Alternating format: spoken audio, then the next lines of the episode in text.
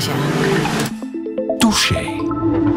Touché gaat het zevende seizoen in met een acteur buiten categorie. Stefan de Gant, goedemorgen. Goedemorgen. Ja, je schrikt ervan als ik zoiets zeg, buiten categorie. Ik heb al van alles over jou gelezen. Oei, hopelijk alleen maar leuke dingen. Hoe zou jij jezelf ergens uh, uh, omschrijven als het gaat over jouw acteurtalent? nou, ik, uh, ik, ik zie mezelf niet als een buitengewoon acteur, nog als een buitengewoon mens. Nee, ik voel me gewoon uh, een mens die vooral graag doet waar hij zin in heeft. En dat is uitdrukkelijk uh, toneelspelen. Maar ik voel mij niet bijzonder tegenover de rest of tegenover iemand anders. Nee, ik heb gewoon het geluk dat ik kan doen in mijn leven wat ik graag doe. En dat is onder andere toneelspelen. Mm -hmm. Toch een van de belangrijkste dingen die, uh, die, waar ik mijn dag mee vul. Ja, om op toch de zinloze dagen wordt het toch het best ingevuld. In mijn geval door toneel te spelen. Maar algemeen te spelen. Niet alleen toneel te spelen, maar ja, in het algemeen te spelen met mijn kind, met vrienden. Ja, ik vind het spel het leukste wat het is in het leven. Ja. Nog liever theater dan, dan film of uh, televisie? Ja, ja, eigenlijk wel, ja. Ik speel het liefst van al uh, toneel live voor een publiek. En uh, ja, dat vind ik toch interessanter dan film of televisie, in mijn geval. Ja. Ik voel mij ook beter uh, als toneelspeler dan voor de camera. Of, ja, ja, dat denk en, ik en hoe wel. komt dat? Ik weet het niet. Ik denk, ja, ik voel mij toch vrijer op de scène dan voor de camera. Uh, ja, dat is een gevoel. Ik weet ook niet waarom. Wat, wel, wat het wel interessant maakt, is de, is de, ja, is de afwisseling. Dus dat, dat is wel ja, leuk om te doen, de afwisseling eigenlijk. Ja. Ja. Hoe zou jij jezelf omschrijven? Uh, uitermate sexy natuurlijk. Nee, uh, ik zou mezelf het best kunnen omschrijven, denk ik. Uh, ik denk wel dat ik trouw ben aan mensen en bijzonder koppig. Ja, bijzonder koppig. Vooral in mijn werk. Bijzonder koppig. Hoe ver gaat dat, die koppigheid? Ja, het probleem is een beetje bij mezelf. Ligt bij mezelf, uiteraard. Uh, ik ben nooit tevreden. In de eerste, in de eerste plaats uh, voor mezelf, hetgeen ik doe in mijn werk. Ik uh, ben zelden tevreden. Dat is soms lastig. Ik heb, ik heb het nu al geleerd, de laatste drie jaar, om daar andere mensen vooral niet meer lastig te vallen. En ik hou het meestal voor mezelf. ja. Ben je nog altijd een zware roker? Ja, nog steeds. Ik rook te veel. Ik moet er vanaf. En ik denk dat ik uh, dat ga doen ook. Ja, ik word binnenkort 40. En uh, ik denk dat het nu het uh, ja, de moment is om, er, om ermee te kappen. Ja. Wat gebeurt er als jij niet rookt? Want wij zitten twee uur in deze radiostudio en hier mag niet gerookt worden, Stefan. Dan vrees ik het ergste, vriend. nee, nee, nee. Ik ga twee uur niet roken. Ja. Fantastisch. Dus je hebt wel discipline. Ja, je kan dankzij u ga ik twee uur niet roken. Je bent ook iemand die kiest voor het positieve, hè? Ja, ja, dat probeer ik toch iedere dag te doen. Dat is natuurlijk altijd een gevecht met mezelf. Maar toch probeer ik het, uh, ja, het uh, positieve te zien in alles. Ja. Soms is dat moeilijk, soms is het ook gespeeld. Doe ik alsof ik positief ben. Maar dat vind ik niet zo erg om dat te doen. Dat helemaal niet. Nee. Man die graag leeft? Ja, ontzettend. Ik ben gek op het leven. Ja. Mm. Een vrolijke jongen, maar uh, ook achter de schermen? Ja, dat denk ik wel. Ja, ik, ja, er is toch iets. Waar, ik sta iedere dag op en ik denk, ja, er moet vandaag toch iets leuk gebeuren. En meestal heb ik het zelf in de hand om dat te doen. En dan doe ik het gewoon. Meestal moet er altijd iets leuk gebeuren. Ja. Ik hoop dat het dit is, die komende twee uur. Ik denk het, ja. Ik vind het nu al leuk trouwens. Ja. Stefan de Gant, welkom in Touché. Dankjewel. Radio 1. 1. Friedel Massage. Touché. Uit de zomer gepasseerd, hassen. Hij hiet dan nog altijd mijn meisgezin. Zo dus gelakt dan nog bestaan. Of moet het let een droom vergaan? Uit de zomer gepasseerd, hassen. Arene komt kan niet de zon skin. Hart de liefde ver van strand en zee. Nog altijd zijn tussen hoestje. Hij hi aan mij pezen. schreef je misschien of hak ik u nooit mijn leven nog zien? Uit de zomer gepasseerd, hassen, lucht voor mij alleen nog uit de pin. Zal dat sprookje nog altijd bestaan? Of moet daar hier ten einde gaan? Nu ben ik gelukkig Troppen mij Maar fries kunnen tellen Han zozeer bij mij Lente, zomer, herfst en winter gaan. Olie en een grote liefde blijft bestaan.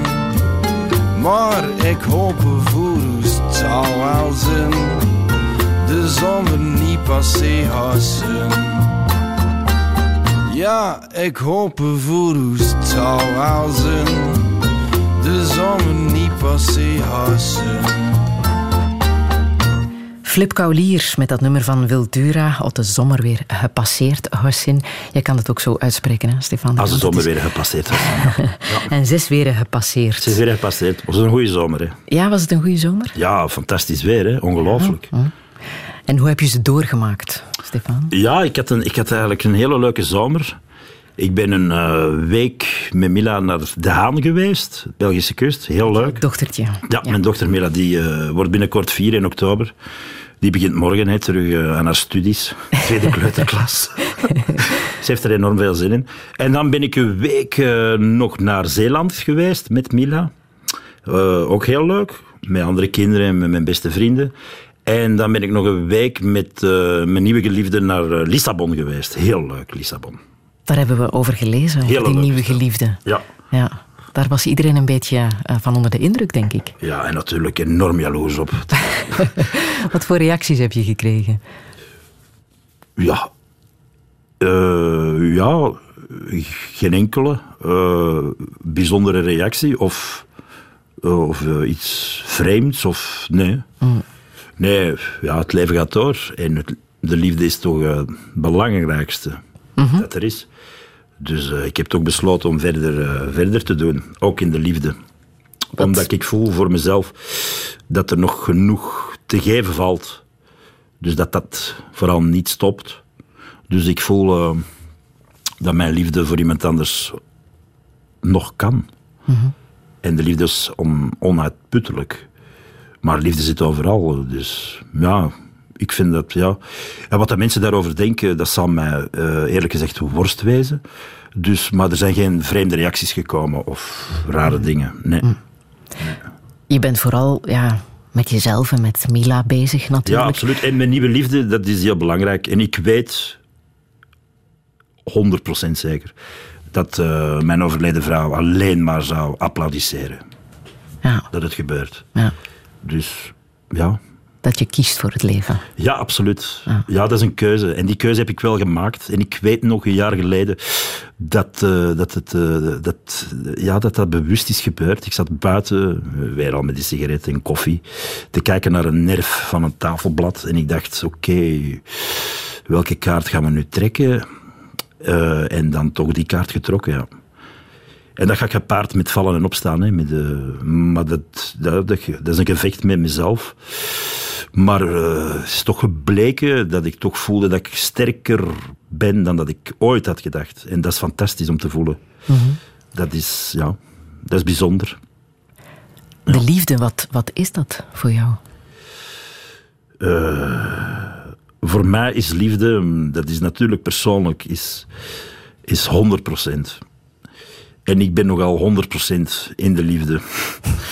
En dat is soms vermoeiend voor de andere partij.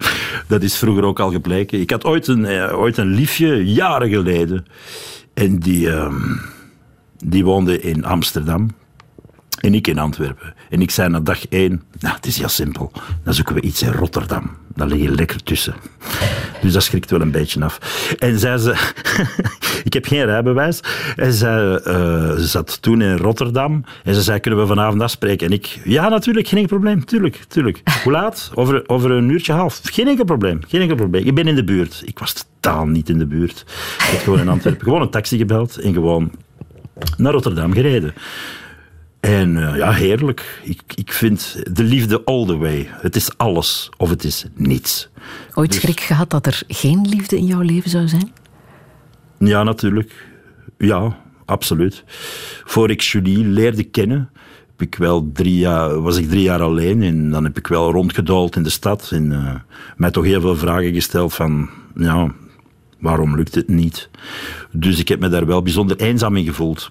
Ja, absoluut. Maar toen kwam ik haar tegen. En dat was eigenlijk heel bijzonder. Vanaf de eerste dag, heel bijzonder. Maar waarom? Ja, dat was een hele bijzondere ontmoeting. En ik was toen uh, uh, samen met Brune van den Broeke in de stad. En hij was er toevallig bij. En uh, hij heeft voor haar ook nog een serenade gespeeld op zijn uh, gitaar. Het was een hele bijzondere nacht. We hebben gepraat tot ja, vijf, zes uur s morgens. En dat is natuurlijk een goede indicator, omdat ja, als de tijd stilstaat, uh, dan ja, dat is het beste dat er is natuurlijk. Ah. Heb je het voorbije jaar ook de waarde van vriendschap beter leren kennen? Ongelooflijk ja, ik ben zo gesteund geweest door zoveel liefdevolle mensen. Het is natuurlijk zo, Julie, uh, mijn vrouw, die was zo ontzettend lief, empathisch, warm, uh, genegen bij zoveel mensen. En dan dat je toch merkt dat, dat dat toch terugkomt als een liefdevolle boemerang in mijn gezicht dan en in het gezicht van Mila. Dus dat is heel bijzonder. Ik heb, ja, ik heb ongelooflijke buren. En dat waren buren, dat werden vrienden. En nu beschouw ik ze als familie. En ik weet nog dat de buurvrouw zei, want toen zaten we in de verbouwingen, nou, het leven gaat door. Toen Julie overleed en uh, de keuken moest nog geplaatst worden. En de buurvrouw zei, uh, uw verdriet zal ik nooit kunnen wegnemen. Maar de, de, het dossier van die keuken wel, geef die maar hier. Dus, en zo waren er talloze mensen die, uh, die in. En ik moet wel zeggen, eerlijk zeggen, dat was voor mij ook. Het voelde heel pijnlijk en aan en heel frustrerend, omdat ik graag geef in het leven. En ja, ik kon op dat moment niks anders dan iets te krijgen. En daar was, ben ik heel, heel, heel verdrietig om geweest. Omdat het tegen natuurlijk is. -huh. Omdat je graag geeft in de veronderstelling om niks terug te krijgen. En toen ging het niet anders. En dat was heel, heel, nou, heel moeilijk. Heel moeilijk. Hoe is het nu met jou? Ja, goed. Ja, ik kan wel zeggen goed, maar de dingen lopen dubbel.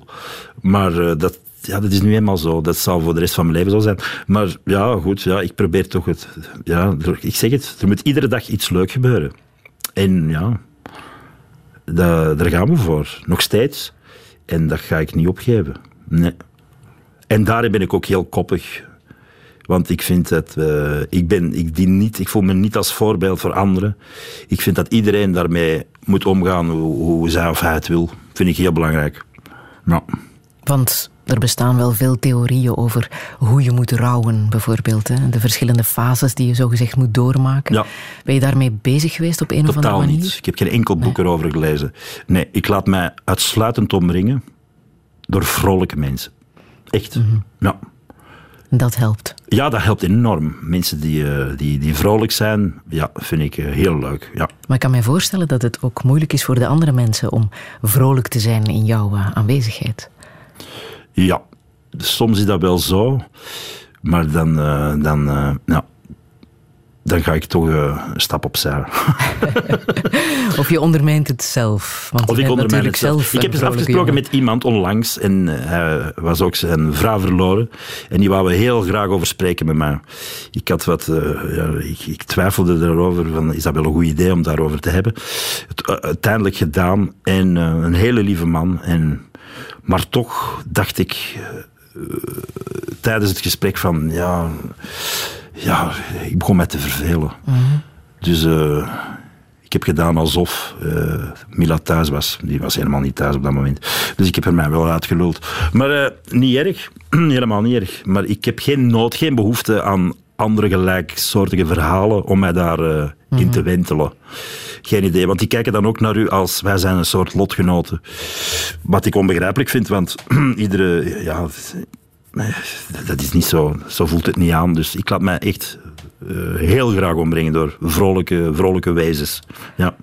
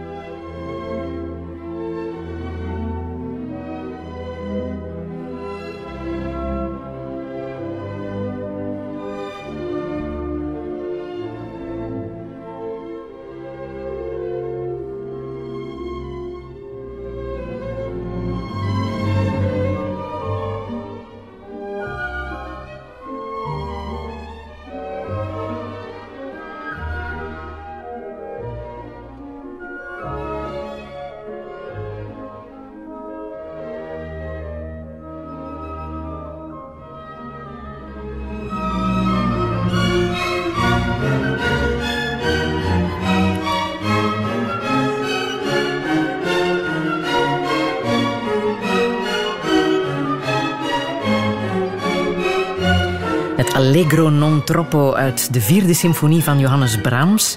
In de uitvoering van uh, dirigent Carlos Kleiber, Stefan de Gant. Dit wou je absoluut laten horen. Hè? Waarom Ja, precies? Ik vind dat een ongelooflijk, eh, ongelooflijk werk. Dat is een werk die, eh, die ik al beluisterde, eh, ik denk toen ik tien jaar was. En ik beluister die, ja, denk ik toch maandelijks. Eén keer, à twee keer. Dus eh, ik vind dat een ongelooflijk werk. Het is ook mijn grote droom om eh, dit werk eh, ooit te dirigeren met een fantastisch orkest. Ja? Dat is een absolute droom. Let op als je zo'n dingen zegt. Hè. Ja, daarom zeg ik zo. ook.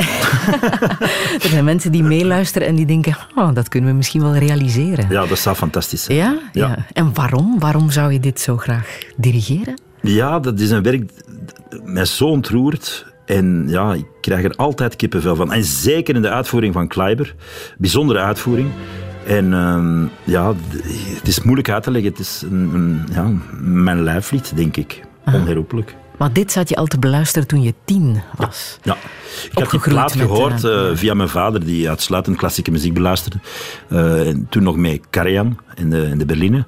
En ja, ik was zo... Ik vond een fantastische symfonie. Fantastisch werk. Was jouw vader een liefhebber van klassieke muziek? Ontzettende liefhebber. En ik heb een oudere broer van drie jaar, die heeft er zich tegen verzet. En eh, ik, ik ben er alleen maar in meegegaan. En eh, ja, ik vind fantastisch eh, klassieke muziek. Er, is zoveel, er zijn zoveel mooie dingen gecomponeerd. Dus ja, En hoe kwam het dat jouw vader van klassieke muziek hield? Hij, hij speelde zelf ehm, klarinet. En ehm, ja, hij beluisterde constant. Platen werden erop gezet. En, eh, en, eh, ja, dat is ongelooflijk. Het fantastisch. En ik dirigeerde ook al als klein kind op de, op de salontafel. Eh, ja, deed ik gewoon... was ik de dirigent. Heb jij muziek gespeeld ook? Ja, ik heb trombone gespeeld. Ja. En dan. Zeg je in de verleden tijd? Ja, Nu ik speel al twintig jaar geen trombone niet meer. Ja. Zou je het nog kunnen? Ik zou totaal niet meer kunnen. Nee. En waarom koos je voor de trombone? Mijn vader nam mij mee naar de harmonie waar hij bij speelde, naar een concert. En dat was het eerste instrument dat mij opviel. Eh, de klank, en ja, ik vond het ongelooflijk. En dan beslist om trombone te studeren, ja. ja. Wat voor jongetje was jij? Als kind? Ehm, ja. Eh, terug enorm sexy, denk ik. En, nee, dus eh, als kind, ja, ja, toch een beetje verlegen, denk ik. Ja. En moeilijk, eh, ik wist heel snel wat ik wou worden. En dat is een goede zaak, maar ook problematisch op school natuurlijk. Dus ik wist heel snel, toen ik zes, zeven jaar was, eerste, tweede leerjaar, dat ik eh, toneelspeler wou worden. Met alle gevolg van dien, eh, het eerste leerjaar moest ik al opnieuw doen, omdat rekenen echt nooit lukte. Nooit, nog steeds niet. En eh, ja, dat was echt problematisch. Meester Wim in het eerste leerjaar, die sprong vier stappen vooruit en drie terug. En dan vroeg hij, hoeveel stappen zijn er over? En ik zei, ja, zeven. Nou, ik heb zeven keer gesprongen. Dus eh, alle logische dingen, nog steeds, alle logische dingen zijn bij mij problematisch. Ja, alles wat logisch is. Dus alles wat geen fantasie, verbeelding of iets kent, ja, dat bij mij echt problematisch. Het eh, dagdagelijkse soms van de dingen. En vanaf wanneer ging het beter op school? Eh, vanaf de studie Herman Teylink, eerste jaar. Ja. Dan Daarvoor pas. was het echt eh, redelijk rampzalig. Op je achttiende dan? Ja, pas 18, 19 jaar. Ja. Ja. Kunsthumaniora heb je ook Kunsthumaniora en gedaan, Brugge viel wel mee, maar ja, dan nog hadden andere vakken die problematisch waren. Nog steeds die wiskunde. Dus ja, dat, ja, ik, ja, dat was lastig. Ik ging heel veel kijken naar voorstellingen. Mijn vader nam mij mee naar opera, naar van alles. En ik ging echt volwassen voorstellingen kijken. Toen ik ja, 7, 8, 9 jaar ging ik al naar de Blauwe Maandag, naar, naar naar van alles. Ik begreep er werkelijk voor de helft niks van natuurlijk, maar ik vond het fantastisch. En ja, ik dacht, dit wil ik ook. Ja, Met dank aan jouw vader. ja, absoluut. Ja, dat is toch een belangrijk onderdeel geweest. Ja, dat is toch, ja, absoluut. Wat voor iemand was jouw moeder? Mijn moeder was eh, de, een van de meest geweldige vrouwen die ik in mijn leven ben tegengekomen. En eh, ja, die was ongelooflijk. Die was alleen maar liefde. Alleen maar. Die was ongelooflijk. Ik mis die enorm. Ik had een hele, hele, hele, hele goede band met mijn moeder. En die was er altijd. In mijn gevoel was die er altijd. Nu is ze er niet meer en dat is een heel vreemd idee dat ze er niet meer is. Maar die was er altijd, die stond aan de school, die, die, was er, die werkte niet, die was ziek, die had eh, nierproblemen. Uh, zij moest gedialyseerd worden. Dat hield in maandag, woensdag, vrijdag aan de machine liggen, vijf uur. Ze is twee keer uh, getransplanteerd geweest, een nieuwe nier gekregen, spijtig genoeg twee keer terug afgestoten. En twee jaar geleden is ze gestorven. Ze was op, mentaal, fysisch, helemaal op. Maar ik had een hele, hele bijzondere moeder. Alleen maar liefde. Die, die wou goed doen voor iedereen. En te weinig soms voor, voor zichzelf. Die was altijd bezorgd om anderen. Altijd. Die was er altijd. Ik heb van haar de liefde gekend. En dat is iets heel bijzonders. Omdat je weet van, ah, dat is dus liefde. Ik heb van haar eigenlijk de liefde gekend. Wat het is. Ja. Onvoorwaardelijk alles. En dat is fantastisch. En ik ben er daar enorm dankbaar voor. Heb ik haar ook gezegd op haar sterfbed, toen ze nog bewust was. Heb ik gezegd, ja, ik heb haar bedankt omdat zij mij de liefde heeft gegeven en door haar ik de liefde ken om aan anderen door te geven. Dat is heel bijzonder. En als ik nog maar een, een komma van haar kunnen kan doorgeven aan Mila, dan, uh, dan zitten we goed. Ja. Jouw moeder heeft ook zelf beslist om te stoppen met de, ja, de dialyse. Ze heeft uh, zelf, uh, zelf beslist, ja. Omdat het echt niet meer ging? Het ging niet meer. Uh, nee, die was helemaal op. Ging echt niet meer. En begreep je dat? Kon je dat aanvaarden? Dat ja, zij absoluut. er een punt Ik stond achter volledig achter die keuze, ja. Ik heb ook de dokter gevraagd om haar de heerlijkste medicijnen te geven. Dat ze deze aardkloot vredig kon verlaten, ja. Heb ik wel, wel gevraagd, ja. Mm. Ik wou niet dat, die, dat ze pijn had. En dat is allemaal niet gebeurd, gelukkig. En mijn vader die, uh, liet mij weten aan de telefoon van uh, ze drinkt heel graag limonade. Mm -hmm, dacht ik. En ik was aan het Centraal Station van Antwerpen. We gingen naar Kortrijk, waar ze lag. En toen heb ik uh, ja, 15 blikjes limonade gekocht en in mijn rugzak gestoken. En ik kwam toe in het ziekenhuis en ze zat aan haar tafeltje. En ik heb die 15 blikjes uitgestald naast elkaar, omdat ze toen uh, de laatste week van haar leven zat en toen mocht ze doordrinken. Omdat uh, dialysepatiënten niet mogen drinken, omdat al het vocht uh, wordt teruggezuiverd. Maar toen mocht ze drinken en toen hebben we die, ja, heeft ze toch vier, vijf blikjes in het gesprek uh, opgedronken. Mhm. En, en, ze was uh, voluit, voluit aan het genieten. Mhm. Dus dat was mooi. En ik vroeg haar van, ben je bang om te sterven? En ze zei ja. En ik zei, waarom ben je bang om te sterven? En ze zei, ja, dat ik jullie allemaal ga missen. Ja, dat is, ja. En ja, er, er is heel veel schoonheid aan, want ik had toen een spelletje met Mila. Dat we de pijn weggooien wat houdt in dat, uh, dat ik wrijf over haar vingertje bijvoorbeeld en dan de pijn weggooien. En uh, Mila kroop op het bijna dode lichaam van Roma om de pijn weg te gooien. Dat is ongelooflijk. Dat is zo mooi, zo puur. Zo speels ook natuurlijk. Zoveel, heeft zoveel verbeelding en fantasie. Ja, dat is, dat is ongelooflijk. Leer je veel van Mila? Ik leer alleen maar van Mila. Uh, Mila hoeft van mij niks te leren. Ik leer alleen maar van haar. Dat is ongelooflijk. Ook hoe ik uh, met de dood moet omgaan, leer ik uh, van haar. Zij, zij toont mij de weg om ermee om te gaan. Dat is ongelooflijk. Mm -hmm. ja. mm -hmm.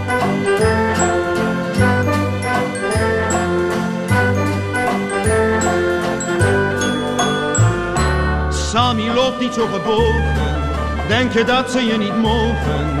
Waarom loop je zo gebogen, Sammy, met je ogen, Sammy, op de vlucht? Hoog, Sammy, kijk omhoog, Sammy, want daar is de blauwe lucht.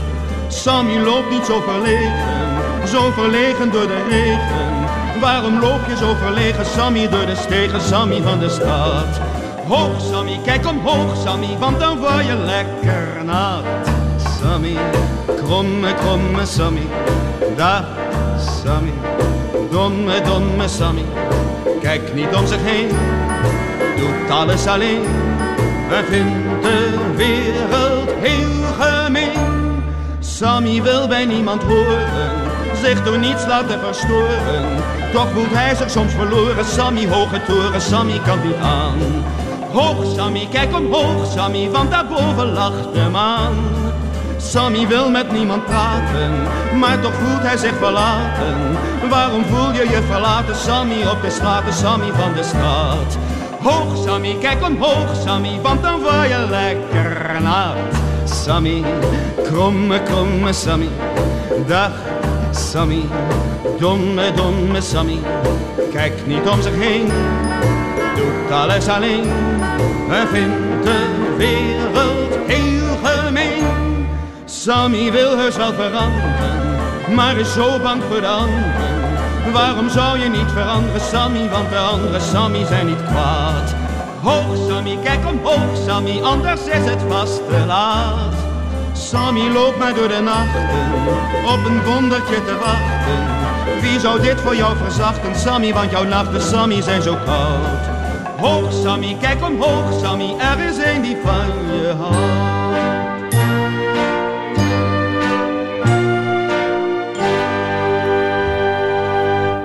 De fantastische Ramses Shaffi en Kijk omhoog, Sammy.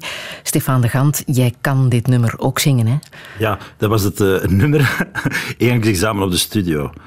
Studio en, Herman Terling. Ja, en het, ja. wij waren allemaal zenuwachtig, ik ook natuurlijk. En meestal, uh, uh, Sammy loopt niet zo verloren, zo verloren in de regen. En door zenuwachtigheid zong ik, Sammy loopt niet zo verloren, zo verloren door de rogen. dat ik echt, ja, moet rijmen op verloren. Ja, nee, dus. Maar ze hebben jou toch uh, erdoor gelaten. Ja, uh, onbegrijpelijk. Nog steeds onbegrijpelijk. Ja, want wie zat toen in de jury? Uh, toen heel veel uiteenlopende mensen uit verschillende theatergroepen. toen was Jan de Cler de, de, de ja, de directeur. directeur. En ja. de belangrijkste waarschijnlijk. Hè? Ja, absoluut. Ja. Die jou ook heel erg had opgemerkt. Die had meteen wel het talent gezien in Stefan de Gant. Ja, dat zou kunnen. Maar ik was, natuur, uh, ik was natuurlijk een puppy. Hè. Ik wist van niks. En um, natuurlijk, de ontmoeting met hem, eerste jaar, was, was, was uitzonderlijk bijzonder. Omdat dat toch een, een, een wereld van alles openging. Ja, dat is natuurlijk een man die heel bijzonder is voor mij, nog steeds. En hij verlichaamt gewoon de, de, de Berliner Philharmoniker. uh, ja, door zichzelf. En dat is natuurlijk... Ik heb er enorm veel van geleerd, nog steeds. En um, ja, het is een fantastische leraar geweest voor mij. Bijzonder inspirerende man. Daarna heb ik het geluk gehad om er vaak mee te spelen. En daar is een, een, hele mooie vriendschap uit ontstaan die er nog steeds is. En ja, dat is heel bijzonder. Kan je zeggen dat zijn mentorschap, het, het feit dat hij jou zo heeft gevolgd en gesteund, jou ook meer zelfzekerheid heeft uh, gegeven? Ja, en ook hij was een van de redenen waarom ik toneelspeler ben geworden. Uh -huh. Ik zag hem als kind spelen en uh, ja, mijn mond viel open. Ik begreep nog geen snars wat hij aan het zeggen was, omdat ik te jong was. Maar ik vond het op een of andere manier... Begrijpelijk. En dus, uh, ja, hij is een van de redenen waarom ik naar de toneelschool ben gegaan. Ja. Maar je hebt wel heel even ook het Conservatorium van Gent geprobeerd om daar een zangopleiding te ja, volgen. klopt. Dus de twijfel was er om als speler te beginnen of als zanger uh, te beginnen aan de studies. En dan toch gekozen voor Gent Conservatorium. Maar ik was er doodongelukkig. Ontzettend ongelukkig. Waarom? Omdat uh, ik kreeg zangles, maar eigenlijk kreeg ik uh, roddelles. In alle eerlijkheid waren er uh, drie uh, zangleraren. En ik kreeg een half uur, wat heel weinig is natuurlijk, zangles. Maar dat was gewoon een roddelles over de andere twee. Dus daar was een enorme concurrentiestrijd tussen de verschillende leraars op dat moment. En ja, ik voelde mij er niet op mijn plek. Er was een, ja, ja, ik was er doodongelukkig. Ik voelde mij eenzaam en ja, ik was niet gelukkig. En ik, ja, ik was nog heel jong toen, 18. En ja, ik was niet gewapend tegen zoveel onzin uh, om het om te zetten in iets anders. Dus ik was alleen maar uh, onder de indruk op een foute manier. Vond je het jammer dat je dat talent, want je hebt ook een zangtalent, je hebt een, een bijzondere zangstem, dat je daar dan door die opleiding uh, niks kon mee doen? Ja, ik, ja, later heb ik wel het geluk gehad om in verschillende producties wel te kunnen zingen. Dus dat kwam nog tot nut. Maar ik vond het niet spijtig, nee, want mijn hartslag lag toch bij het toneelspelen meer dan bij het, bij het zingen. Ah. Bij de klassieke zang, ja. Je hebt een bas-bariton ja, stem. Klopt, ja. Die je nog elke dag oefent, of uh, wat Nee, doe je daarmee? Nee, Tussen het roken door. Tussen het roken door, ja. Al rokend zingen. Ja. Maar dat moet voor jouw vader wel eh, jammer geweest zijn. Dat je Ja, die vond dat wel stopte met die spijtig, omdat ik toch voelde aan hem dat... eh, ja, dat eh, hij wou toch liever, denk ik, dat ik eh, in de klassieke muziek verder ging dan eh, in het toneelspel. Wat achteraf toch... Dat hij ook wel zag en voelde van... Dat, ja, dat toch... Dat het toch meer bij toneelspelen lag dan bij de klassieke zang. ja. Ah. Je hebt eh, in verschillende theaterhuizen gewerkt, en verschillende voorstellingen gespeeld, maar het was pas met die ene rol van Dieter Deleuze in eh, De Ronde dat heel Vlaanderen jou leerde kennen. Hè? Die bewuste autorit naast Koen de Graven Ja. eh, in de serie over De Ronde van Vlaanderen. Ja. En dat ene zinnetje, dat ene bewuste zinnetje, wil ik nog even laten horen. Oei. Pak eens wat adem, jongen. Doe zo rustiger aan. Ontspan u. Ja, dat ga ik zeker niet doen. Kalmeer het even gewoon. Denk aan iets anders. Ah, wat? hè? Wie gaat er winnen vandaag? Wie denkt dat er... Oh, allee, laat ze dat, maar ik ben nu toch niet mee bezig. Ja, het zou, je zou er beter mee bezig zijn. Ja, maar nu gaat dat toch niet? Hij moet kamika. Touché. Radio 1. Blijft een hilarische scène. Hè? Jij kijkt nu een beetje streng, maar... Nee, nee, ik kijk niet streng, maar eh, ja, ik heb het direct eh, zelf ingemoffeld, hè, die, die zin. Dus, eh, Is het waar? Het was eruit Ja? voor ik het wist, eerlijk gezegd, ja. Dat stond niet in het Nee, script. die zin, de rest wel, maar die zin stond er niet in. Nee, die had ik. Moest je echt tijdens de opnames? nee, ik moest echt niet, maar het, het kwam eruit voor ik het wist. En dat is er blijkbaar ingehouden. Dus, Dus Ja. zo tekstvast ben jij. Eh, niet, niet dus. nee, op dat moment, maar er zaten heel veel improvisaties tussen, tussen Koen en ik. En ehm, dus ja, dat is er, ja, ik heb dat eruit ge, geflanst zonder, zonder dat... Is dat zo gegaan? Dat waren improvisaties. Heel veel trouwens. improvisaties, wel veel geschreven dingen, maar ook heel veel improvisaties, ja. Ja. Absoluut. En er zijn heel veel dingen van, van gehouden die, die die montage hebben gehaald. Maar ik stond daar zelf niet bij stil. En ook niet over de, over de impact of dat dat dan als quotes wordt gebruikt. Of, er werden hele dingen mee gedaan. Hè. Mensen hebben daar eh, echt eh house muziek onder gezet. En eh, van alles en nog wat heb ik allemaal gehoord. Ik heb dat allemaal niet beluisterd. Maar, maar op dat moment was ik er ook niet meer mee bezig. Want dan zitten met andere dingen bezig. Dus het is niet dat het mij bezig hield. helemaal niet. Maar je hebt de Vlaming wel een soort vrolijkheid gegeven. Hè? Ja, blijkbaar. Maar ik stond daar niet bij stil. Maar ook niet over, over de hoeveelheid mensen die daar naar kijken. Eh, Nee, ik heb altijd gezegd, als ik daar van iedereen een euro van krijg, dan kunnen we allemaal stoppen met werken. Heerlijk. Maar, dus ja, ik stond daar echt niet bij stil. Ook niet dat mensen mij aanstaarden op straat op dat moment dat dat uitkwam. Ik, ik was... Nee, helemaal niet. Eh, eh. Nu, West-Vlaams is sowieso heel erg populair. Eh, Mhm. niet alleen in televisieseries, maar ook in de, de muziek. Ja. Weet jij hoe dat komt? Daar is toch iets met dat West-Vlaams dat de mensen raakt. eh, waar ze mee moeten lachen ook vaak. Hè? Ja, dat weet ik eigenlijk niet. Waarom. Maar, maar eh, ja, het heeft natuurlijk een bepaalde ja, poëzie en muzikaliteit. En eh, dat interessant is natuurlijk, ja. Eh, ja. Want jij bent van Wevelgem. Ik ben van Wevelgem, ja. Het Wevelgems dialect. Ja, Wevelgems dialect, ja. Dat je nog vaak spreekt? Eh, alleen denk ik eh, met, met vrienden die er nog wonen en eh, met mijn vader, ja. Ja, ja. Het helpt ook om daar humor mee te maken, denk ik. Hè? Het, is, ja, het is een makkelijke taal om grappig te zijn. dat denk ik ook. Dat, ja, het heeft, ja. ja, dat is zo, ja. Denk je dat humor in jouw geval dingen compenseert? Ja, denk ik wel. Ik, eh, ja, en ik doe het in het dagdagelijkse leven. Hè. Eh, ik had zo een afspraak met Julie als we gingen winkelen. En ik haat winkelen. Maar ze dus eh, inkopen deden voor iets, dat ik de blinde man mocht spelen. En ja, ze zei, oké, ja, dat is goed als je dat toch wilt doen. En dan eh, gingen we binnen en dan ja, deed ik alsof ik blind was. En dan moest zij mij begeleiden. en dan zo bepaalde producten aanraken. En, en heerlijk. Dus ja, maar ik heb het vooral in situaties die ik niet leuk vind, dan begin ik gewoon te klieren. Of dingen die mij ongemakkelijk liggen. Bijvoorbeeld, eh, ja, met scholen, hè, dat is echt problematisch. Dus eh, de eerste oudercontact met Mila, eerste kleuter stelt niks voor natuurlijk. Maar dus eh, kwam ik binnen bij de juf. Moest ik al gaan zitten op een klein stoeltje voor kleuters bedoeld. En het jaar daarvoor was ik daar al helemaal doorgezakt. Maar toch terug gaan zitten. En dan krijg je een formulier met allemaal dingen die, eh, die over middag gaan. Creativiteit, eh, eh, van alles en nog wat, taal. En dan krijg ik zo'n formulier en dan voel ik me al eh, terug op school zelf zitten en dan begin ik direct te klieren. En ik kijk naar dat formulier en ik zeg, oei, oei, oei, dat is wel problematisch. Drugsproblematiek. Oh, bijt in de knieën van andere kindjes. Oeh, heeft regelmatig een mes op zak. Oeh. Dus ja, dat begin ik al direct te nozelen. Het is sterker dan mezelf. En eh, ja, ik heb het overal. Zat er ook humor in eh, dat keuzenummer dat je hebt gezongen voor Studio Terlink? Sammy, kijk omhoog. Het was een verplicht nummer. Dat moesten we Ah, ja. allemaal, allemaal zingen. Ja. Ja. Ja. Ja. Want kan jij omhoog kijken? Eh, hoe bedoelt u? Van omhoog kijken. Ja? Ja, ik heb last van mijn nek, hè. Ja. Dus dat is sowieso al... Ik heb eh, de ziekte van Bechterew... Ik heb van mijn grootmoeder niks geërfd, behalve Bechterew.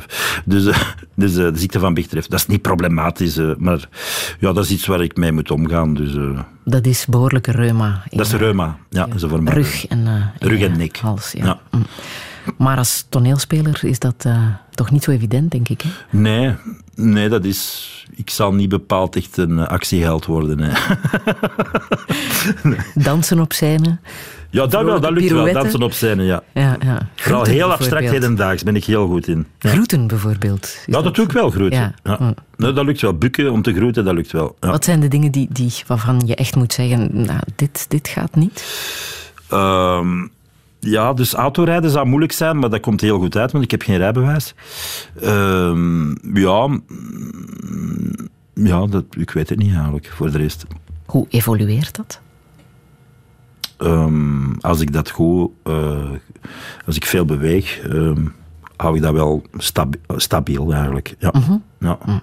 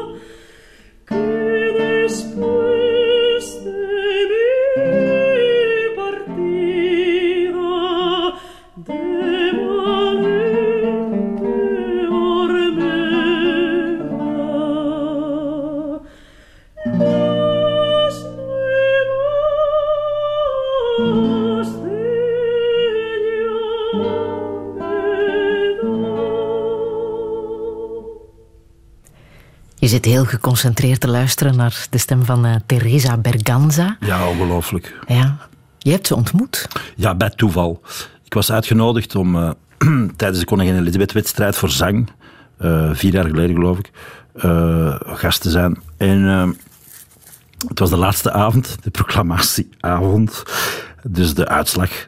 En ik stond buiten, per toeval uh, buiten, en ik stond een sigaretje te roken. En uh, zij komt ook naar buiten, wachtend op een taxi. Dat was twaalf uur s'nachts, na de uitslag. En ik dacht, ongelooflijk. En ze stond echt alleen te wachten. En ik dacht, ik ga er gewoon naartoe. Maar dit is net zoals iemand anders Prince zou ontmoeten of David Bowie. Dus voor mij is dat deze vrouw. dus ik er naartoe. En ik zeg haar, bent u een beetje tevreden over de uitslag? en toen begon ze kwaad te worden tot en met. Ze begon zich te ergeren aan alles en nog wat. Maar toen was dat een vrouw van, ik denk, 81, 82. En ze was zo boos over de uitslag. Ze vond het, ze was het er niet mee eens. Totaal niet mee eens. Ze vond het verschrikkelijk. En ze moesten haar nooit meer terugvragen. En toen zei ze er nog bij, de kans is klein dat ik teruggevraagd want dan leef ik waarschijnlijk niet meer, zei ze erbij. Dus ook heel veel humor. En we hebben echt eh, een half uur gepraat. En ze heeft eh, die taxi gewoon naar huis gestuurd. En, en ongelooflijk. Voor mij ook een sigaret. Ja, ja, geef mij nu maar ook maar een sigaret. Ongelooflijke vrouw heel leuk. Ze heeft twee maanden geleden ook nog een uh, Lifetime Achievement Award gekregen ah, op uh, de Internationale Opera Awards, om maar te zeggen hoe belangrijk zij is in de ja, opera. ontzettend belangrijk. Ja. Zij heeft bepaalde rollen echt, echt op de kaart gezet. Mm -hmm. En ja, een, hele leuke ontmoeting. Maar die, die, die, want zo'n juryleden mogen niet uit de biecht babbelen. Maar zij, zij dacht nee. Ze was het totaal oneens. Ze zei: Het is niet de zang die vanavond gewonnen heeft. Maar gewoon de uh, intendanten die hebben beslist om, uh, om mensen rollen aan te bieden. En ja, ik, ik moest daar wel gelijk geven. Ja. Je bent grote fan hè, van de Koningin Elisabeth-wedstrijd. Ja, ik vind, ik vind dat heel bijzonder. Ik vond het als kind al fantastisch toen met Fred Brouwers. Hele lange gesprekken. Maar toen als kind gehoorde een kandidaat echt fantastisch spelen. En die was gedaan en dan begon die jury die helemaal af te breken. En dan denk je toch, maar waar, is het dan überhaupt fout gegaan? Maar, maar zo leert je ook luisteren. Ik vond, ik vond het fantastisch om nog beter te luisteren en de verschillen te, te horen en interpretaties. En ja, ongelooflijk. En er gebeuren dikwijls wonderlijke dingen. Ook uh, hele leuke dingen. Met Volonda vroeger, dat is toch ja. ongelooflijk. Ja. Dat, is, dat zoiets kan. Dat, dat leek bijna geacteerd, maar ja, het was, ik vond het, het heerlijk. Echt, ja, het was echt heerlijk. die al recht stond voor zijn naam nog maar was afgeroepen dat hij zou winnen. Fantastisch. Visionair. Ja, inderdaad. Ja, ja, En er zijn, ja, er zijn mensen in de vergetelheid geraakt. Maar er zijn ook fantastische dingen uitgekomen. Latere geweldige mensen. Ja, die nog steeds geweldig zijn. Welke kunsten uh, adoreer jij nog, behalve muziek en theater? De schilderkunst, uh, ja, ja, van al literatuur, uh, ja, alles. De eet, de, eet, de, cultuur, de, de culinaire kunst. Is ook een kunst, hè? Ja, dat is ongelooflijk. Dus ik ga van eten oh, ontzettend veel. Hè. Met, met, met, met, met, zo met Jan nog gaan eten, Jan de Cler, ja, dat is echt een ongelooflijke avond terug. Hè. Dus dat is heerlijk, hè, heerlijk. Heel veel acteurs eten graag. Goed, ja, natuurlijk. Hè? Ja, absoluut. Hoe komt dat? Ik weet het niet. Ik, ja, maar dat is wel waar. Ik ken dus geen enkele acteur die niet graag eet. Hè. Maar dus, uh, ja, ik weet het niet. Ja, dat is, ja, eten is zo leuk. Hè. Ben jij zelf ook goed in de keuken? Redelijk. Redelijk. Julie was ongelooflijk in de keuken. Ze kookte voor mij de eerste keer verse kaaskroketten, daarna lamsbout in de oven en daarna tiramisu. En ik was nog verliefder. Heerlijk. Nee, eten is zo leuk. Ik moet ook goed eten voor ik speel, dan speel ik beter. Uh, ja, en dat is dikwijls drie gangen. Hè. Mm-hmm. Losstaand van de voorstelling, al duurt die drie, vier uur die voorstelling. Dus als jij goed speelt, dan heb je goed gegeten. Ja, dan kun je meestal zeggen, hij heeft goed gegeten. maar uh, de schilderkunst ook, hè? Daar, daar, ja, van, ja, ik ja, fantastisch. Wat is jouw favoriet daar? Ik heb geen favorieten. Dat is, loopt door de eeuwen heen. Mhm. Heel veel bijzondere mensen, bijzondere kunstenaars.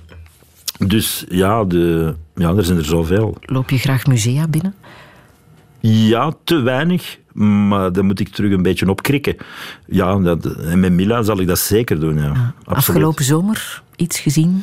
Ik heb deze zomer geraakt? niks gezien, moet ik eerlijk zeggen. Niks van het theaterfestival. Uh, Ik heb, ja, deze zomer ben ik... Uh, nee. Nee. beetje afgehaakt in de kunsten. Maar uh, ja, is niet erg. Literatuur? Ja, van alles. Hm? Ja, dus... Uh, Wat ja. lees je? Ik heb, ik, ik, heb nu ja, toevallig Jean-Marie Berkmans gelezen, omdat ik daar gisteren iets moest mee doen. Dat vond ik ook heel bijzonder.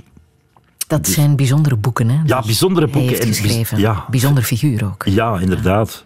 Die een aantal jaren geleden is gestorven. Daar ja. is nu een uh, documentaire over gemaakt. En ja. zijn werk stond gisteren ook even voluit in de belangstelling in de ja. Permeke-bibliotheek. Daar heb je teksten van voorgelezen. Ja, ja, ik vond het heel bijzonder. Ik heb door die vraag van behouden begeerte uh, om iets te lezen van hem, ja, ik vond het heel inspirerend. Wat raakte jou daar zo in? Ik vond het lachen en huilen tegelijk. Dat vond ik heel bijzonder. Uh -huh. Dat, dat, ja. En ik moet eerlijk zeggen, ik was een beetje heel slecht voorbereid gisteren, die tekst. Want ik had hem eigenlijk... Ik dacht, ik ga hem niet op voorhand lezen. Ik ga hem alle minuut voor de eerste keer lezen. En het raakte mij terwijl ik zelf bezig was door de woorden die hier stonden. Ik vond het ongelooflijk geschreven. Uh -huh. Dus het inspireert mij nu om nog meer van hem te lezen. Dus dat vind ik fantastisch. Ja. ja.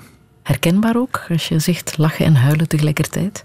Ja, dat is toch... Als je dat kunt veroorzaken, vind ik toch wel bijzonder knap. Mm -hmm. Ik heb het ooit meegemaakt, de, de, door mijn werk ook. Ik moest, uh, werd gevraagd door de Antwerp Symphonic Orchestra om uh, Blauwbaard, de, de prelude van Blauwbaard te doen, de proloog. Ik kende het werk van Bartok eigenlijk niet. En ik zei, ja, tuurlijk, leuk. Dus ik deed het. En daarna had ik een, gewoon, gewoon een gratis concert. Die proloog duurt twee minuten. En dan beginnen de strijkers en dan up, gaat het werk verder. En ik stond gewoon te huilen in de coulissen. Ik vond het ongelooflijk. Ah. Ik vond het ongelooflijk. Dus dat was iets heel absurd, dat je gevraagd wordt voor een voorstelling, dat je de muziek niet kent, voor de eerste keer live ge gehoor, horen. In, en dat was toen in Concertgebouw Brugge. En ik stond gewoon te huilen in de coulissen. Ik vond het ongelooflijk. Dat is het beste toch, hè? Ja, dat is echt, echt het allerbeste. Ah. Sowieso, met muzikanten werk is voor mij echt uh, ongelooflijk. Ik vind dat, ja... ja. Ik heb nog muziek klaarstaan uit uh, de film van uh, Peter Greenaway. Hm. Niet de film waar jij was voor gebracht, denk ik. Uh, ah ja, dat is juist. Ja. Maar ik ben een trouwe hond. Hè. Ik moest toen met iemand anders iets doen. Dus als dingen niet gaan, gaan ze niet. Dat maar niet dus even dat is juist nee als je dus afspreekt met iemand om te gaan eten en dan zit er toevallig in het restaurant met iemand anders. Ja, dat, is, dat doe je niet. Hè. maar hij mag jou nog altijd opnieuw vragen, Peter Greenaway? Maar ja, tuurlijk. Hij woont in Nederland, dus uh, ja, zover is dat niet. Hè? Dat is allemaal niet zo ver. Die geweldige muziek uit uh, de film The Cook, The Thief, His Wife and Her Lover.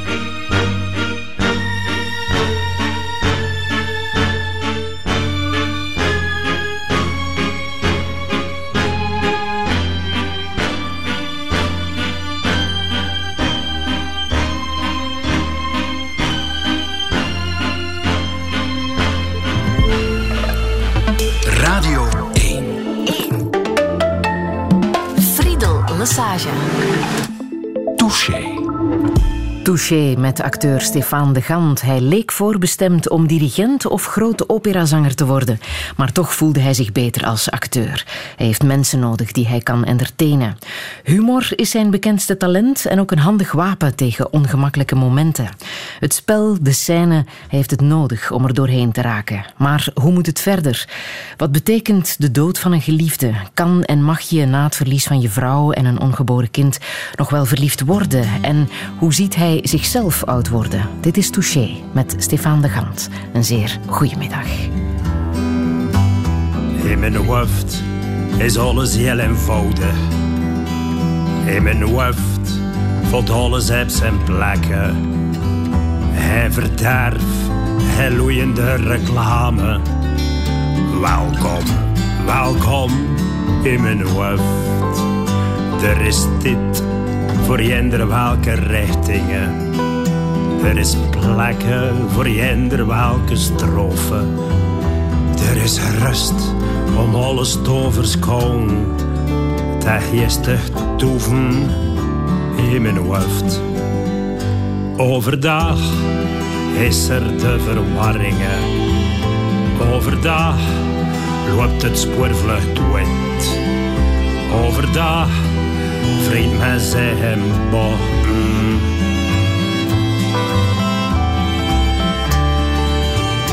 Er is water voor wie echt wil drinken. Er is werk, dat werd ons toch beloofd. Er is sloohals voor wie ze wel geloven. Maar de kern zit in mijn hoofd.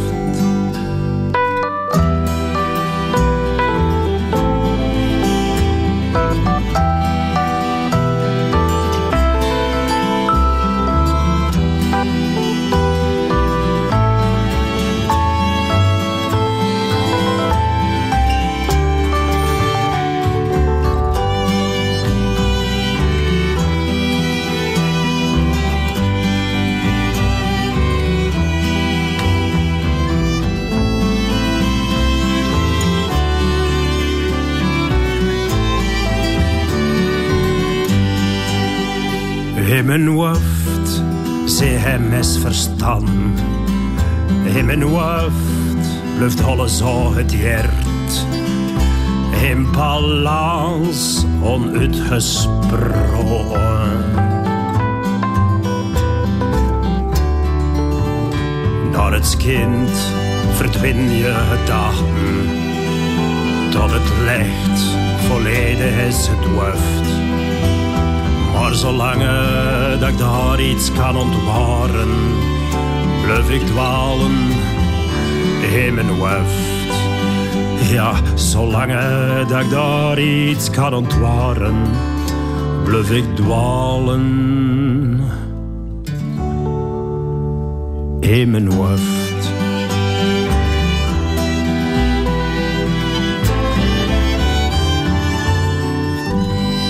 Dat prachtig nummer van Raymond van het Groenewoud in mijn hoofd. Hier in de West-Vlaamse versie van uh, Stefan de Gant. Stefan, je hebt dit gezongen tijdens een Radio 1-sessie? Ja, klopt. Met uh, het zesde metaal. Op vraag van uh, Wannes, Wannes ja. Goeie vriend van jou. Nou, goede vriend, ja. Jullie hebben jongen. elkaar gekend in West-Vlaanderen. Ja, wij zaten samen in de jeugdbeweging. In de Giro. En eh, ja, zo elkaar leren kennen. Ja, ja. En dan mocht je nog eens West-Vlaams zingen. ook al. Van hem. Leuk. ja. Zit er veel waarheid in deze tekst? In mijn hoofd. Is alles eenvoudig? ja, ik vind dat wel. Toen ik het eerste keer het nummer hoorde van Raymond, zat ik in de wagen met uh, Julie. En uh, ik zei, kunnen we even uh, langs de kant stoppen? Ik vond het onwaarschijnlijk. Ja, ik vind die tekst wonderlijk. Ik vind... De, de, de, de, de, de, de melodie is heel simpel en als een deuntje in je hoofd. En ja, ik vind het bijzonder. Ik vind een bijzondere, bijzonder kunstenaar ook, hè, Raymond. Ik vind dat fantastisch. Ik, heb die ooit, ook, hm? ik heb die ooit op de Gentse feesten bezig gezien. Toen was ik 15 of 16 jaar. En hij speelde werkelijk van 9 uur s'avonds, in mijn herinnering, tot 5 uur s morgens. Ik vond dat ongelooflijk. Het slot van de Gentse feesten Ja, was dat, denk ja, ik. Hè? ja. En ik vond dat ongelooflijk. Ik dacht, man, man. En ja, ik vind, ik vind dat een hele leuke man ook trouwens. Dus ja, dus, eh, ja, ik vind dat een bijzondere, bijzonder iemand. En daarom heb ik ook het nummer gekozen, omdat ik die heel bijzonder vind. En omdat ik het een heel bijzonder nummer vind. Ik vind dat een prachtig nummer. Is het in jouw hoofd soms chaotisch? Ja, tuurlijk. Onherroepelijk. Ja, zeker. Hoezo? Onherroepelijk? Ja, er speelt van alles mee. En eh, ja, ik moet toch... eh, maar ik probeer daar ook licht mee om te gaan. Soms zeg ik tegen vrienden om te lachen, ik ga eventjes nadenken, twee tellen. Ja, het is gebeurd. En dan gaan we verder. Dus eh, dat doe ik wel. Ja, ik probeer er ook niet te lang over na te denken. Want als je te lang nadenkt over bepaalde dingen, ja, dan word je helemaal gek en heb ik geen zin in. Dus eh, ja, ik probeer dat toch heel snel te relativeren of gewoon weg ermee. We doen iets leuk. Ja. Volg jij het nieuws? Of is dat te veel chaos? Nee, nee, ik volg het nieuws wel. Dag, dagelijks meestal. Ja. En lig je er ook van wakker? Eh, over sommige dingen wel, absoluut. En ja, dus er is heel veel waar dat je van wakker ligt. Er zijn heel veel dingen waar ik mij ontzettend aan erger. En, eh, nu ja, er zijn dingen die mij echt ergeren. Ik bedoel, in het leven. En bijvoorbeeld, eh, om het terug over... dat is iets klein, maar toch iets heel belangrijk. Om het bijvoorbeeld terug over Jan de Cler te hebben. Als ik dan hoor of te weten kom dat hij opzij is gezet als de creator van de grote Sinterklaas... Ja, dan word ik daar wel verdrietig van. Ook omdat hij een hele goede vriend is. En ja, dan vind ik het onrechtvaardig dat hij zelf niet wist dat hij Sinterklaas niet meer mag spelen. En gewoon door een of andere bobo bij Ketnet opzij wordt geschoven. Ja, dat maakt mij woest. Dan denk ik, er is maar één Sinterklaas. Het is hij. En ik vind ook oprecht dat iedere acteur die daarvoor gevraagd wordt, oprecht die rol moet weigeren. Dus ik, ja, ik vind het eh, niet te doen. Ja. Ik vind dat het land in opstand moet komen om terug Jan de Cler als Sinterklaas op te eisen. Want hij speelt er graag, heel graag de rol. En hij is helemaal niet de man die zelf heeft beslist om de rol te stoppen. Dus eh, ik vind dat niet kunnen. Ik vind dat echt niet kunnen. Ik vind het onrespectvol, degoutant om een van de belangrijkste acteurs van de 21ste eeuw eh, zo te behandelen. Ik word er woest van. En ik vind het niet kunnen. Ik vind het onrespectvol. Dus eh, ik ben blij dat ik het kan zeggen. Dat is eruit, dat is duidelijk. Ja, ik vind, ik vind, ik vind dat ongelooflijk hoe, hoe daarmee omgegaan wordt. Hij heeft generaties lang die rol gecreëerd hier in België. En dan gaan we er licht over, omdat dat hij dan zelf in de gazette moet lezen. Oeh, dus dat is toch ongelooflijk? Wat is de reden? Dat weet ik niet. En, eh, ja, ik weet dat niet. Ik, ik ken de reden niet. Maar hij is Sinterklaas, punt. En hij kan die rol spelen tot hij doodvalt, toch? De Sint is oud, hoor. En die bestaat al heel lang en die zal blijven leven. Ja, tuurlijk. Ja, ja. Dus ja, ik vind dat onbegrijpelijk. Ik vind dat werkelijk onbegrijpelijk. Ja. Het is niet zomaar een rol die zomaar, eh, dat je zomaar kunt eh, wisselen. hè. Het is geen film of, of, of, of een toneelstuk. eh, die zo... Dus nee, ik vind dat echt... Hij heeft de rol gecreëerd, punt. En ze moeten er allemaal mee fikken afblijven, vind ik echt. Ja, Dat is gezegd. dank u. Ja. Morgen eerste schooldag, hè? Ook Ja, voor heerlijk. Mila. Ja, en ze leuk. kijkt er naar uit. Ja, ze heeft er zin in, ja. Wat moet een school bieden voor jou eh, en voor Mila? Wat, wat vind jij echt belangrijk voor jouw dochter? Eh, ja, daar moet ik eens over nadenken. Twee tellen. vertellen. Ja, het is gebeurd. Nee, ik, vind, ik, ik moet wel zeggen dat scholen, in de, toen ik naar school, is enorm veranderd. Het is ongelooflijk. Ik denk dat het leuker is geworden. Heeft ze een goede school? Ja, een ontzettend goede school. Een geweldige leuke directrice. Geweldige juffen. En eh, juffen met humor. Ongelooflijk. Dat is heel leuk. Ja, heel leuk. Want het is denk ik ook ontzettend belangrijk geweest het voorbije jaar natuurlijk. Ja. Sinds de dood van haar mama. Ja, absoluut. En daar is geen. eh, Mila heeft daar geen trauma van. Ze was ook eh, te klein, te jong eh, toen haar mama stierf. Nog Ze was twee drie. jaar, acht maanden. Dus nee, Heeft ze er een herinnering aan? ja, absoluut. Het zit hem in kleine dingen. Zoals? Zoals papa kan geen auto rijden. Hè? Nee, liefje, dat klopt. Ja. Mijn mama kon dat heel goed. Maar ja, mama is gestorven. Ze zegt ook tegen iedereen als het over mama gaat, dat, haar mama, dat haar mama is gestorven. En dan... Ja. Maar het zit, eh, ja, ze gaat er ontzettend goed mee om. Dus was het moederdag op school en dan eh, worden er tekeningen gemaakt. En dan eh, kwam de juf toch schoorvoetend vragen van hoe gaan we dat, hoe gaan we dat aanpakken. En ik zei ja, Mila zal het wel aanpakken. En dan zei ze, ja, dan maak ik een tekening voor papa, dan maak ik een tekening voor oma, voor de andere oma, voor opa. En dan, ja, misschien nog een tekening voor Billy Lou, dan misschien nog een tekening voor Ferre, misschien dan nog een tekening voor de... Oeh, ja, voor, ja, de, dus ja, het lost zichzelf op. Altijd. En met Sinterklaas vroeg ze, vroeg ik aan haar van, uh, wat ga je vragen aan de Sint? Uh, een toverstok. Ah, leuk. En uh, waar, waarom een toverstok? Dan kan ik mama heel eventjes terugtoveren. Ah. Dus ja, heerlijk natuurlijk. En heeft ze ook effectief blijkbaar gedaan aan de Sint, uh, een toverstok gevraagd. En, oh mama. en toen is de Sint blijkbaar eventjes naar het toilet geweest. Om zich af te zonderen. ja. Nee, die gaat er heel open, heel eerlijk mee om. Dus, is ze verwend? Nee, totaal niet. Nee, ik probeer haar, ik zeg het, het is proberen. Hè. Uh, zoals een, ieder ander kind op te voeden. Nee, geen voorkeursbehandeling heb ik ook geëist van de school. Uh, om niet gek te doen. Gewoon een kind met de hoop. Is belangrijk. Mm, kind ja. met de hoop. Geen gedoe. Er zijn ook kinderen die er niet zo naar uitkijken om morgen naar school te gaan. Mm. Kinderen die gepest worden. Je hebt daar een voorstelling over gemaakt hè, bij ja, het gevolg. Ja, de voorstelling klopt. Rood gaat echt over pesten. Ja. Mm. Mijn vrouw is uh, het is als oude voor haar ook dat ik het doe. Mijn vrouw is ontzettend gepest geweest. Ontzettend. Ja? Op de school, ja. En het ging heel ver, hè. fysiek. Uh, boksen slagen, haar afknippen. Uh, ja, boterhammendozen afgeven. Die is enorm gepest geweest, enorm. En het was ook zo, toen wij naar scholen gingen kijken om te bezichtigen in Antwerpen, was het Julie altijd haar eerste vraag. Hoe gaan jullie om met pesten? Altijd. Dus uh, dat uh, heeft er heel diep in gezeten bij haar. Heeft ook haar zelfvertrouwen aangetast. Zeker het begin dat we samen waren. Was ze heel onzeker. Durfde ze met moeite uh, te bestellen op café. Vroeg ze toch altijd aan mij om het te doen. Dus daar is ze wel helemaal in opengebloeid. Gelukkig in haar leven. Maar ja, die is enorm gepest geweest. En waarom? Is... Heeft ze daar een verklaring voor? Ze, was ooit, ze had ooit een longontsteking toen ze heel klein was. En ze kwam terug in de klas. En uh, de juffrouw behandelde haar. Uh, ja, uh, ja, behandelde haar heel schattig tegenover de rest. In, in plaats van Julie te zeggen, zei ze Jujuke, Jujuke. En heel de klas is, heeft zich ja, afgekeerd tegen haar. En, mm -hmm. ja, maar gevolg van dien. Wel van school veranderd. En, ja, vreselijk hè. Pesten moet gewoon direct in de kiem worden gesmoord. Ah. Direct. Ben jij ooit gepest geweest? Nou, tuurlijk. Mm -hmm. Ja. Hoe ver ging het bij jou? Niet zo ver. Niet zo ver als bij haar. Helemaal niet.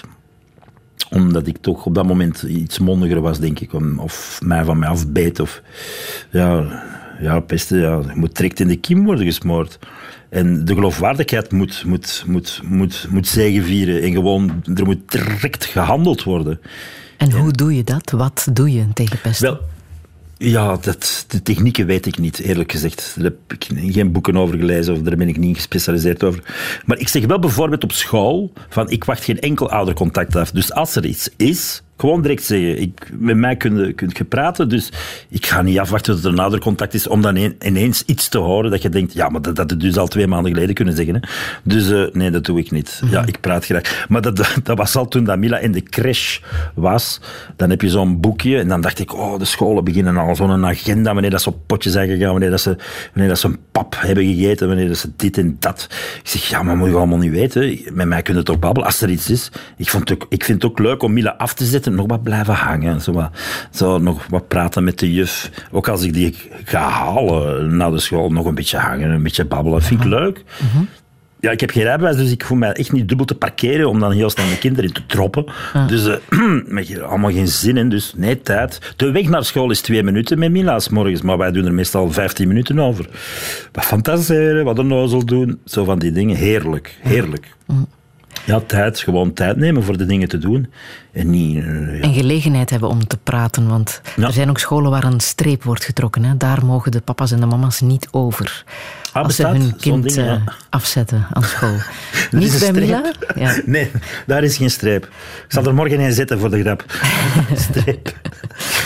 Die voorstelling speel je met de dunne velletjes. Wie zijn dat? zijn mensen, hele bijzondere mensen, die, uh, die uh, bepaalde dingen hebben meegemaakt in het leven, waardoor ze kwetsbaarder zijn dan andere mensen. En uh, die hebben de mogelijkheid, die krijgen het platform om samen met Stefan Perceval bijzondere dingen te doen binnen in het gevolg. En ja, die maken voorstellingen, die, die spelen. En ik ben één van hen die, die meespeelt. Veel van hen geleerd?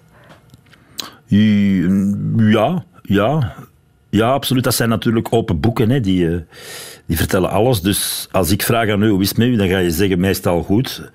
En als ik vraag aan hen hoe is het met u, dan komt er een levensverhaal van die, die onwaarschijnlijk is. Hè. Mm. Dus, uh, dus dat is wel zo, ja.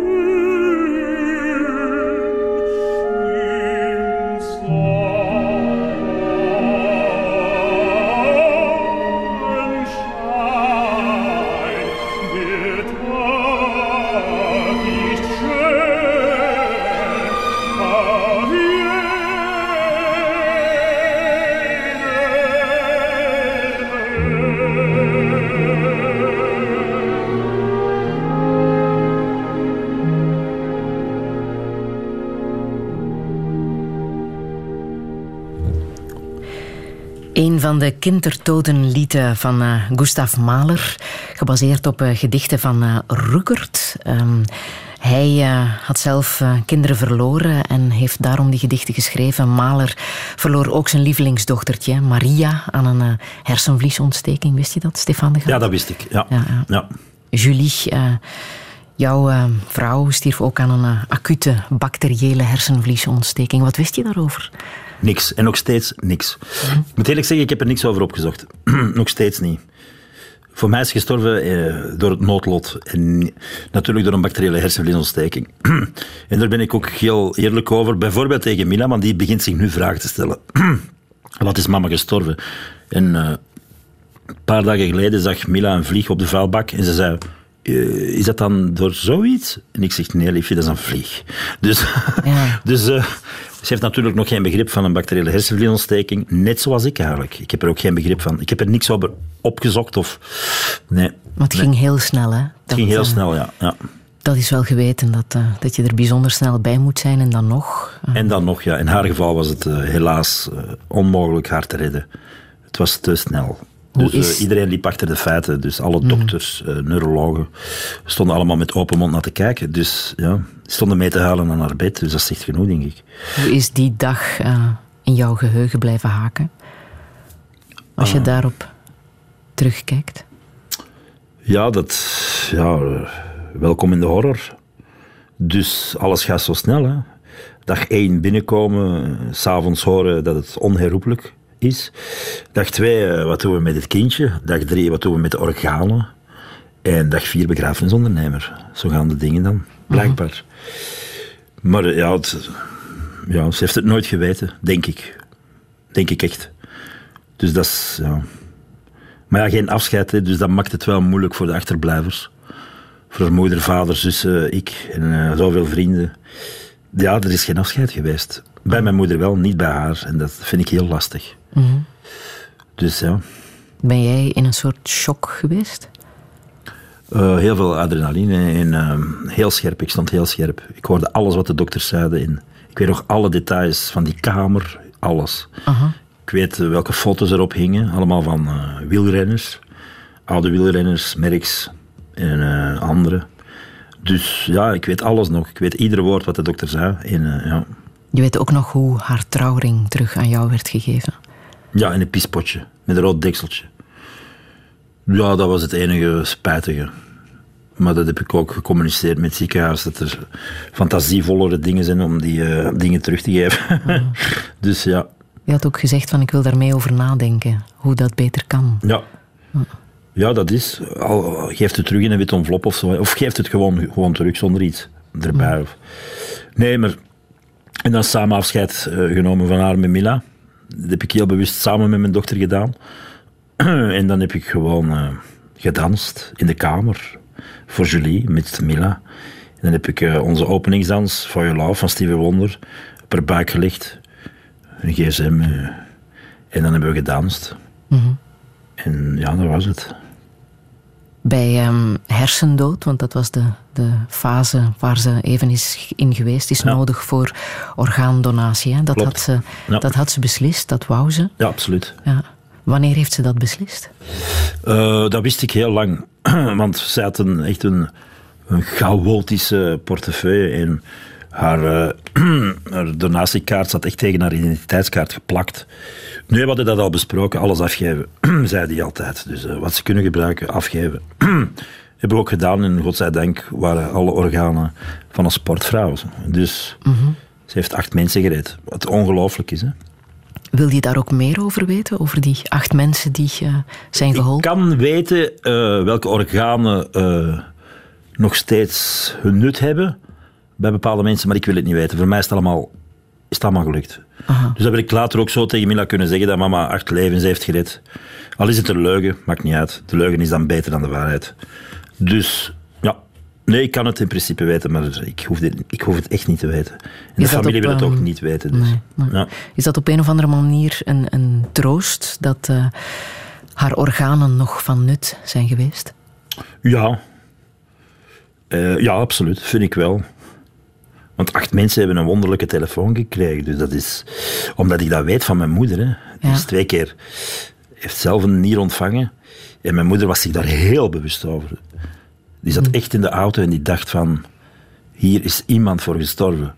Dus dat, is, dat heeft wel heel veel impact bij de ontvanger. Enorm. Je bent automatisch donor, hè? tenzij je Ja. je daar zou tegen verzetten of Ja. eh, de familie dat niet zou willen. Ja. Je kan dat ook concreet bevestigen. Te weinig mensen weten dat nog. Hè? Te weinig mensen, ja, ja. Of het schrikt af natuurlijk van, oeh. Dus ja, ja, dat is zo. Maar iedereen zou het moeten doen, natuurlijk. Je weet het ook niet meer hoor, dus. Hoe gingen die dagen voor jou? Eh, het moeilijkste vond ik om, eh, om het tegen Mila te gaan zeggen. In alle eerlijkheid stond ik bij Julie en ik dacht, laat dit alsjeblieft ook een spel zijn. Kunnen we gewoon wisselen. Ik wou wisselen. Ik vond dat Julie naar huis moest om het tegen mij laten zeggen. Ik niet. Dus ik heb haar ja, gevraagd om te wisselen. Echt. Dat is niet gelukt. Ja. Heb je kwaadheid toegelaten? Ja, ik heb, uh, toen ze gestorven was, hersendood verklaard was, kwart over twee, heb ik, uh, ben ik naar beneden. De lift, heb ik heel de lift in elkaar geslaan. Uh, ja. Dus al de knoppen eruit gebokst. Nou, ik vond het onrechtvaardig. Ja. Dus ja, ja dat is zo. Maar ik wist dat het leven onrechtvaardig was, dus... dus het is niet dat ik zit te kijken naar andere mensen en denk waarom zij wel levend en mijn vrouw niet. Zo werkt het niet. Dus, nee, ja. Wat heb je gedaan om jezelf in stand te houden, om jezelf te redden, die dagen? Um, alles regelen. Daar begon het al mee. Ik wou alles, alles goed geregeld krijgen. Ik wist niks in huis, dus ik wist ook niet uh, naar verzekeringen toe. Of... Nee, ik dacht, Julie was de praktische koningin en ik de nar natuurlijk. Dus uh, ik dacht, nu moet ik de pra praktische koning worden in huis. Dus ik heb echt iedere vierkante centimeter van het huis bestudeerd. Wat, waar, hoe en wanneer moet ik de dingen doen. En, en alles, alles gedaan op twee weken tijd. Twee, drie weken tijd. Maar er komt ook een administratieve winkel op je af, hè, als er ja. zoiets gebeurt. Ja, dat klopt. Ik, was, ik werd heel goed bijgestaan door anderen. Maar toch moet je zelf veel dingen doen. En uh, ja, dat is allemaal gebeurd. Ik heb het allemaal gedaan. Het erfenisrecht is uh, bijvoorbeeld sinds gisteren iets versoepeld. Ik weet niet hoe jij dat hebt uh, ervaren. Het erfenisrecht, wel. Uh, het is zo dat Mila nu wel waarschijnlijk, waarschijnlijk het rijkste kindje van de kleuterklas is. Maar weet je, ik, ik, ik, ik zeg het u, over sommige dingen hoef je niet lang na te denken. Anders word je misschien kwaad of, of, dingen. Dus over zo'n dingen denk ik niet te lang over na. Ik denk opnieuw moet ik toch beginnen, dus of dat er nu met de helft van de spaarcenten is, of, of uh, maakt niet uit. Hè. Mm. En ik heb geluk, hè. er zijn heel veel mensen, daar heb ik mij heel hard bewust van. Daar heb ik heel veel over nagedacht van, stel dat je nu alleen bent als alleenstaande in een appartementje waar dat allemaal niet geregeld is, met kinderen. En ja, dan krijg je andere situaties, andere beelden van een vrouw die haar koffers moet pakken met haar kinderen, omdat ze daar niet meer kan wonen. Dat is heel erg. En bij mij is dat het geval niet. Dus, mm. nou. Er zijn ook grenzen aan uh, het medelijden in zo'n situatie. Heb je dat ook gevoeld? Dat, je, ja, dat er ook een stop was als uh, mensen jou ja, wilden condoleren? Ik heb alle vormen van condoleren meegemaakt. Tot de meest absurde. dus uh, ja. Het mooiste wat ik heb meegemaakt, of een van de mooiste dingen. Mijn vrouw was psychiatrische verpleegster in Stuivenberg in Antwerpen. ik neem de trein en er komt een man op mij toegestapt die, eh, die ik niet ken. En die zegt, ik wil u één ding zeggen. Ik was suicidaal, drie jaar geleden. Uw vrouw heeft mij geholpen en dankzij haar heb ik terug toekomst, vriendschappen, liefde zelfs. En ik voel mij zo goed dankzij haar. Ik wens u nog een prettige dag. Ik stond aan de grond genageld. Ik heb twee treinen gemist. Ik was helemaal ontdaan. Dus ja, dat was. Hij beschreef zoals ze was, in één zin. Dus ik vond het fantastisch. Right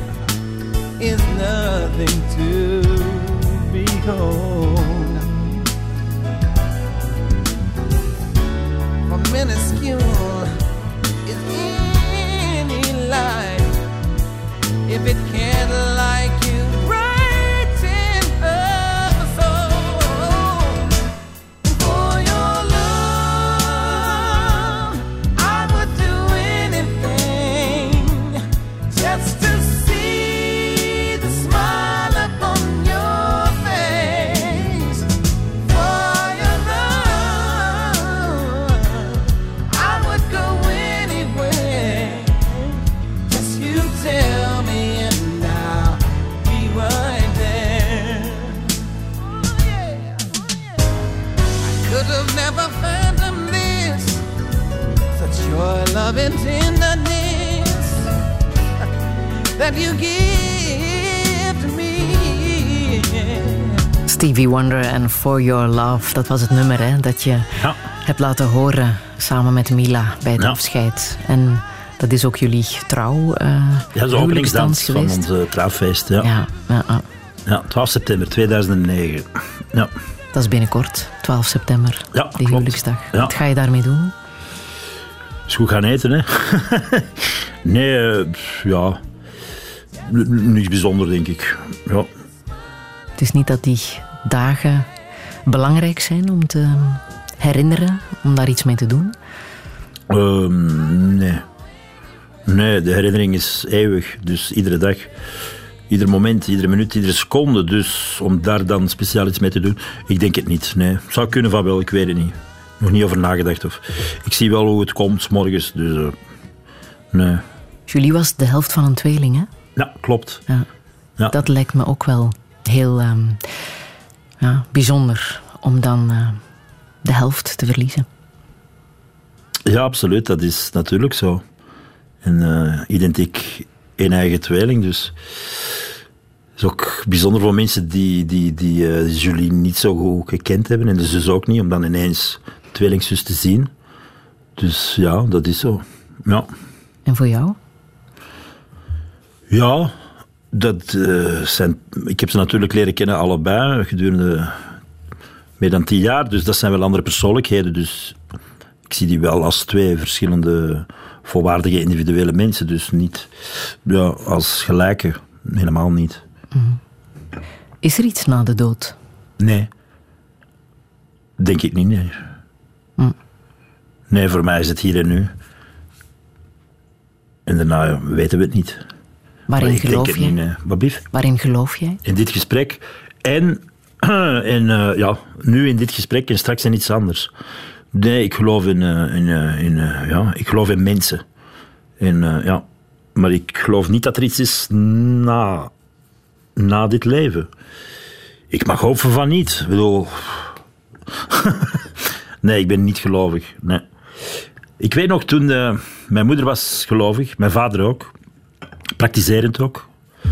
En ik weet nog, toen mijn moeder op haar sterfbed lag, dat haar broer en haar zus in haar oor fluisterden. En doe de groetjes aan mama en papa. Ik vond dat wel mooi om te zien, maar ik dacht tegelijk, het zal niet gebeuren. Ja. Hoe zou jij zelf willen sterven? Als je mocht kiezen. Als ik echt mocht kiezen, en dat meen ik echt, is aan een tafel vol met vrienden, lekker eten, lekker drinken, en, en eindigend met de zin, ja, wat ik nog wilde zeggen, en dan bam, weg. Dus dat iedereen op mijn begrafenis heerlijk kan invullen. Volgens mij wil hij nog zeggen, ja, zo wil ik Ja. vertrekken. Ja. En dan op het Schoonselhof? Ja, ja, dat denk ik wel. Hè. Ja. Je noemt dat het schoon verlof. Schoon verlof, ja. ja. Klinkt beter. ja. Hoe is dat voor jou om op een kerkhof te komen? Ik ben geen kerkhofhanger. Ik heb het graf van Julie twee keer gezien. En eh, nee, ik ben geen kerkhofhanger. Nee. Een Nee, altaartje thuis? nee, heb ik niet. Ik heb mooie foto's uitgekozen om op te hangen. Maar ik heb geen altaar. Nee. Nee. Geen nood aan. Nee, nee. We zijn niet heilig ook, hè. Dus nee, geen nood aan, nee. Totaal niet. Nee. Je hebt eh, nieuwe liefde toegelaten Mhm. in jouw leven. Ja. Ja. Was dat moeilijk? Nee, heel organisch. Nee, het schrikt mij niet af, of eh, fysisch ook niet. Eh, nee, nee, heel organisch. Ik denk daar niet te veel bij na. Nee. Zo'n dingen gebeuren, zonder dat je dat kunt inplannen, wanneer het zal gebeuren. Dus nee, Kunnen liefde en verdriet samengaan? ja, tuurlijk. Ja. Absoluut. Jouw vader heeft ook een eh, nieuwe liefde. Ja, heerlijk. Hij is verliefd, man. Hij is een puber. En hij is 67. Enorm grappig. Ja. Heerlijk. Het lijkt Dus- dat het nu allemaal makkelijker kan, hè? Ja. Nee, ik vind het fantastisch voor hem. Dat is ongelooflijk. Die hebben elkaar leren kennen tijdens een concert, een Verdi-concert in de single. En de dag erop belt hij gewoon die vrouw op. Zonder dat hij een nummer had. Gewoon zitten googlen. hij zat een, vaste, een vast nummer. En dan gewoon het lef hebben om te bellen. En had een hele brief geschreven om, om tegen haar te zeggen... Hoe schattig. en zij zei, ja, ik vond het ook bijzonder leuk. Kom maar, we spreken af. En ze zijn samen. Is heerlijk. En om, om, om- ja, ze was bij mij op bezoek. En we waren allebei een beetje zenuwachtig. Iedereen voor de eerste ontmoeting. En ik dacht, kom op, we gaan het ijs breken. En ik zei, is het de bedoeling dat ik nu al mama zeg? Of hoe zie je dat zelf? dus ja, en eh, hopelijk gaat je met uw fikken van de erfenis blijven. dus ja, ik dacht, ijsbreken, hè, heerlijk. Met en we zijn dus gaan eten met vier. Dus hij had mijn vriendin, vriendin nog niet gezien, mijn vader. Ik had zijn vriendin nog niet gezien, met vier gaan eten. Fijn gesprek? Goed heel- gegeten? ja, absoluut. Sowieso lekker gegeten en fijn gesprek. Maar wel bijzonder, een bijzondere avond. Ja. Want je kent alleen maar je vader met je moeder natuurlijk. En je ziet hem daar echt handjes fluisteren in de oren. Ja, wonderlijk. Maar dat is toch het liefste wat je wil als zoon? Of heb je het daar ook wel even moeilijk mee gehad? Nee, want wie kan nu iets tegen liefde hebben in deze wereld? Niemand. Wie moet daar een mening over vormen? Ja, je moet er geen mening over vormen. Je moet het zelf beginnen doen, denk ik dan. Dus nee, nee, niemand kan iets tegen liefde hebben. Niemand. Bij jou is het ook gegaan met een telefoonnummer. Je hebt je telefoonnummer in een voorstelling Heel, gezegd. heel, een heel, oh, een heel slecht idee. Maar ja, ik heb dus mijn telefoonnummer voor een voor Elisabethzaal in Antwerpen gezegd. En ik weet niet waarom dat ik dat gedaan heb. Echt niet. Beter dan een datingsite. Gewoon je telefoonnummer zeggen. Gewoon telefoonnummer zeggen. Oh, slecht idee. Maar ja, toch gedaan. Ja, leuk. En zij, zij had het nummer niet kunnen noteren. Nee, ze had een fout nummer. En ze, ze vroeg mij achteraf van, ik heb waarschijnlijk... Ik zeg, ja, dat is een fout nummer. En dan ja, beginnen praten en dan was het ook weer zes uur 's morgens. Hè. Dus ja, heerlijk. Gaat het goed? Wat blieft? Gaat het goed? Ja, het gaat goed, ja. Oh, my baby, baby. I love you more than I can tell. I don't think I can live without you. And I know that I never will. Oh, my baby, baby. I want you so it scares me to death. I can't say anymore than I love you. Everything else is a waste of breath.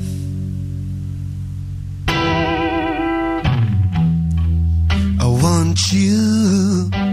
You had your fun, you don't get well no more.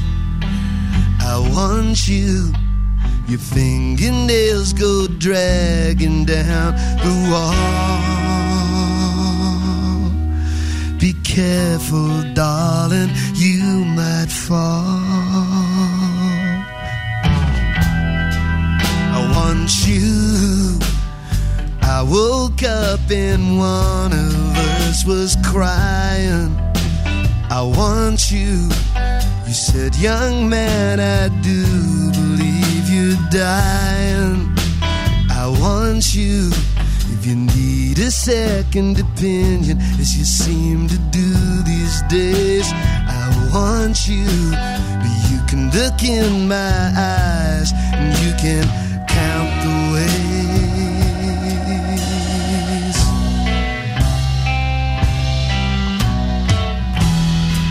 I want you. Did you mean to tell me, but seem to forget? I want you. Since when were you so generous and inarticulate? I want you.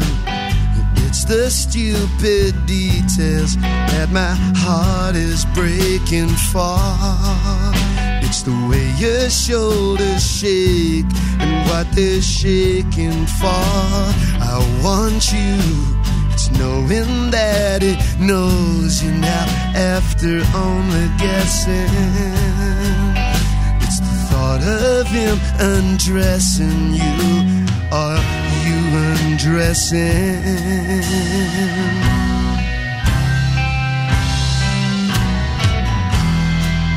I want you. You toss some tatty compliment you, and you were fool enough to love it when it said.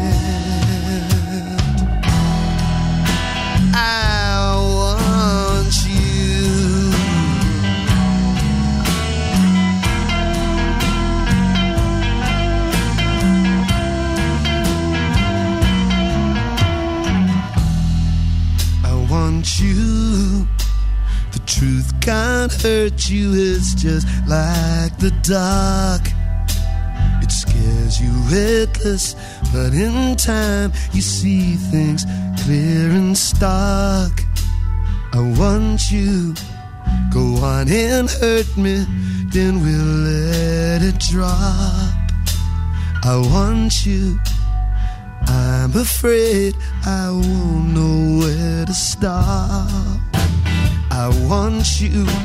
I'm not ashamed to say I cried for you.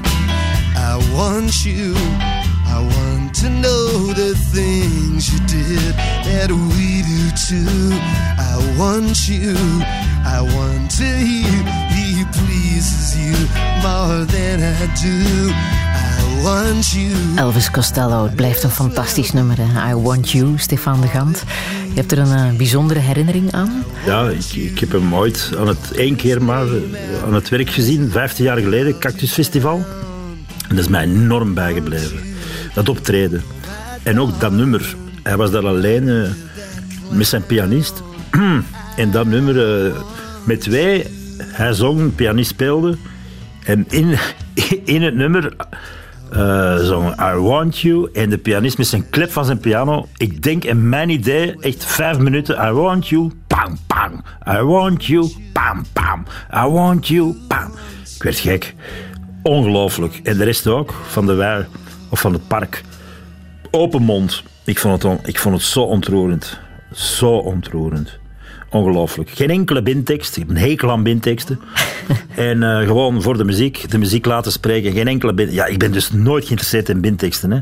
Dat interesseert me niet waar dat iemand dat geschreven heeft. Hè. Al is het op de wc. Allee, maakt niet uit. Dus hij deed het niet. Gewoon het ene nummer naar het andere. Dus van de ene, alle hoeken van de kamer. Met nummers en niet met binteksten.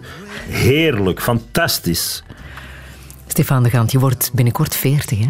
Ja. Ga je 13 daar iets mee doen? Alle cadeaus zijn welkom. 13 oktober. Ga je iets doen? Ja, ik geef een feest. Ja. Ik ga, ik geef, eh, ja, we gaan drinken op café en dan, eh, ik, ik denk dat ik eh, een frietkot ga zetten. Zo'n mobiel frietkot, frieten. Het leven moet je vieren. Absoluut, iedere dag. Absoluut, ja. Dat heb ik altijd gedaan, dat ga ik blijven doen, ja.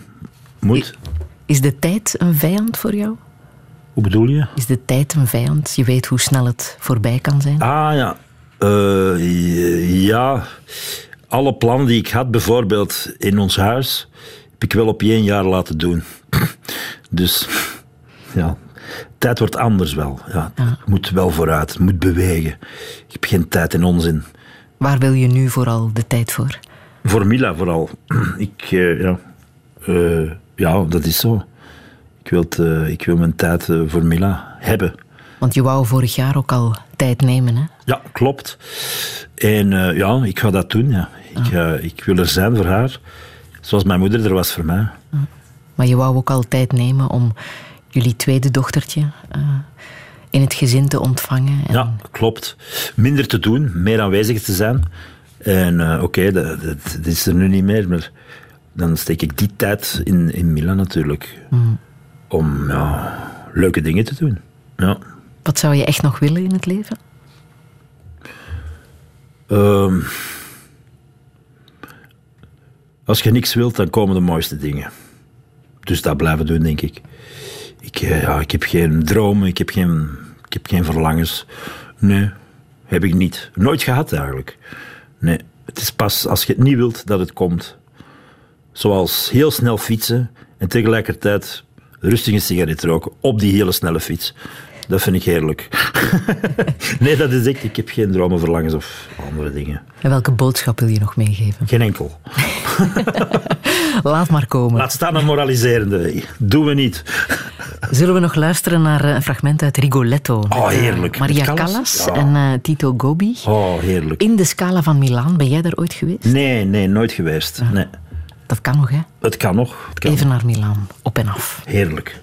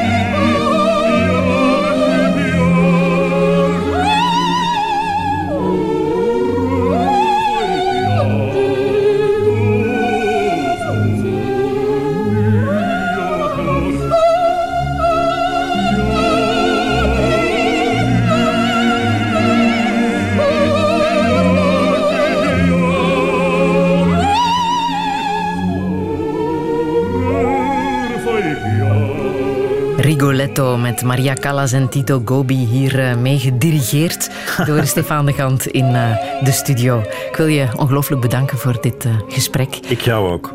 Il, alle info is zo meteen na te lezen op onze website radio1.be. Volgende week ontvang ik hier architect Stefan Bil. En zometeen is er de Lage Landenlijst met Jan Houtkiet. Nog een heel fijne zondag. Voor jou hetzelfde. Herbeluister dossier via de podcast, de Radio 1-app en radio1.be.